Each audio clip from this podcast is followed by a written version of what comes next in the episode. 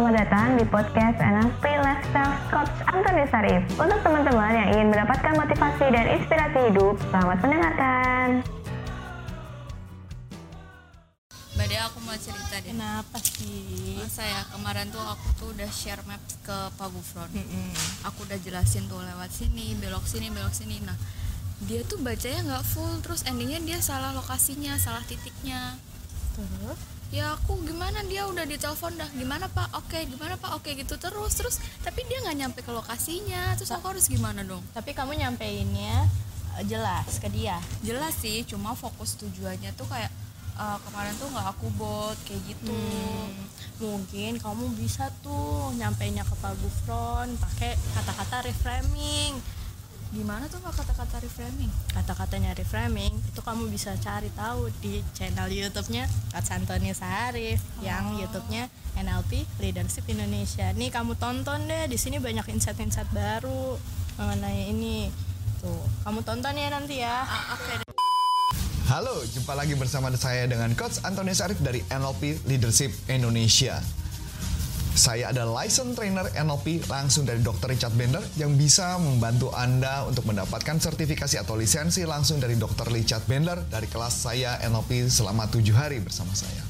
Nah, gini, apa yang mau saya bahas topik kali ini? Saya mau bahas mengenai topik-topik yang belakangan yang lagi heboh, tapi tidak secara langsung. Saya mau kasih gambaran bahwa banyak orang yang suka salah persepsi ketika mendengarkan sesuatu.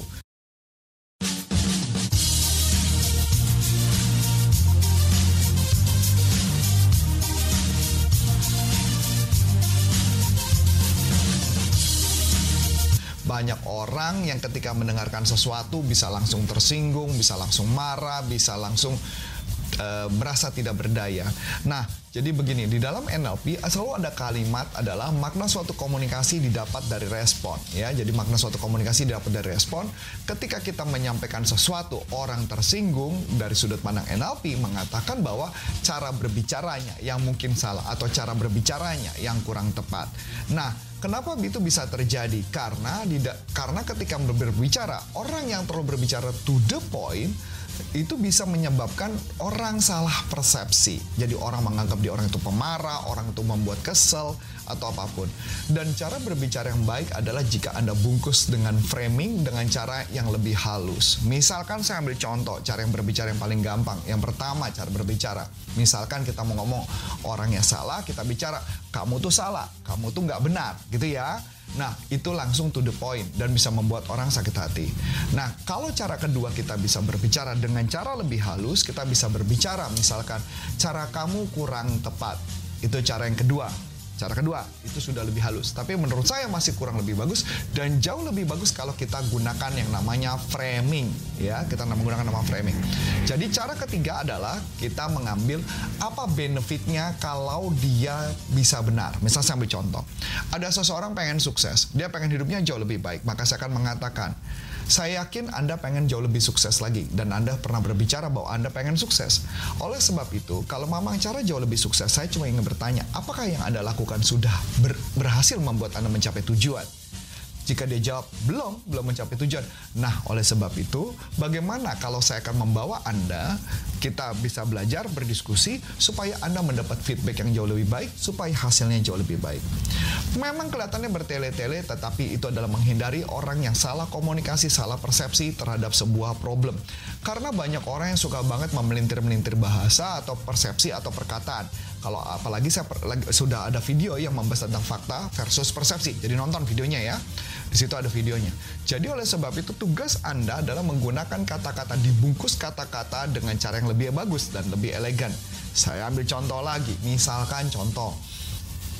Saya eh, mis contoh misalkan saya berbicara ingin menawarkan sebuah training dengan harga eh, dengan training dengan performan yang jauh lebih bagus dibandingkan yang cuma sekedar training tapi hasilnya tidak bagus.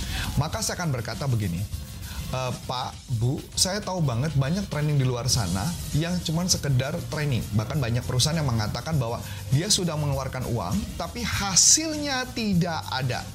Dan saya yakin banget orang bilang buat apa training kalau hasilnya nggak ada. Nah, bagaimana kalau saya punya sebuah teknik supaya ketika Anda mengeluarkan dana tersebut, hasilnya bisa membuat performa kinerja perusahaan Anda jadi meningkat. Tertarik untuk mendengar lebih lanjut, Bu? Biasanya dia akan mengatakan, oh iya iya iya, kayak gimana coach? Baru saya ambil spidol dan kemudian saya akan jelaskan. Nah, inilah beberapa gambaran bagaimana membungkus sebuah informasi supaya orang bisa lebih mudah menerima. Saya mengatakan ada beberapa pakar-pakar politik yang sebenarnya sangat ahli dalam menggunakan bahasa-bahasa dibungkus dengan bagus. Jadi kalau Anda menggunakan kata-kata yang tepat dan pas dan cara yang lebih pas dan tepat, maka hasilnya akan pas dan tepat. Dan begitu juga NLP. NLP dengan cara yang pas dan tepat, maka hasilnya akan tepat bisa membawa Anda ke hasil yang lebih bagus. Jangan sampai ketika Anda salah berkata-kata bisa membawa Anda masuk ke dalam sebuah malapetaka atau sebuah problem yang sangat berat. Saya, Coach Antonius Arif dari NLP Leadership Indonesia mengucapkan banyak terima kasih, sukses buat Anda, dan sampai jumpa.